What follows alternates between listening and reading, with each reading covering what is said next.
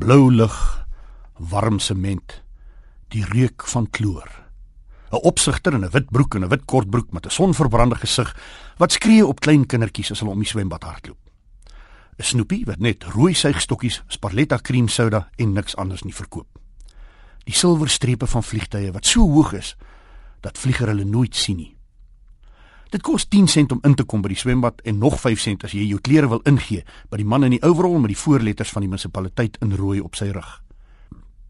Die man sit vlieger se klere in 'n draadmandjie en gee hom 'n ronde blikskyf met 'n nommer aan op 'n wit tou wat nog nat is van die vorige swemmer.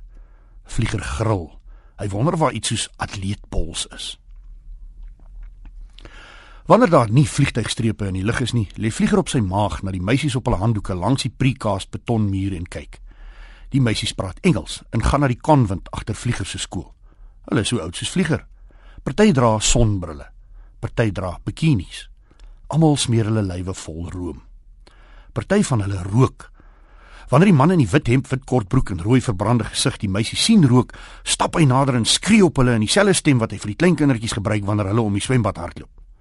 As die man wegstap, lag die meisies, maar hy maak of hy hulle nie hoor nie. Soms kyk die meisies op hulle handdoeke langs die precast muur na die seuns wat by hulle verbystap. En dan wonder vlieger wat hy moet doen sodat hulle hom kan raak sien.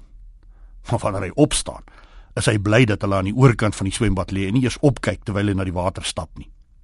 Vlieger begin 'n end van die diep kant oor die gras hardloop en spring in die water. Hy is te bang om te probeer duik, daarvan oortuig dat hy kerplaks op sy maag sal val en dat die meisies dan vir hom sal lag.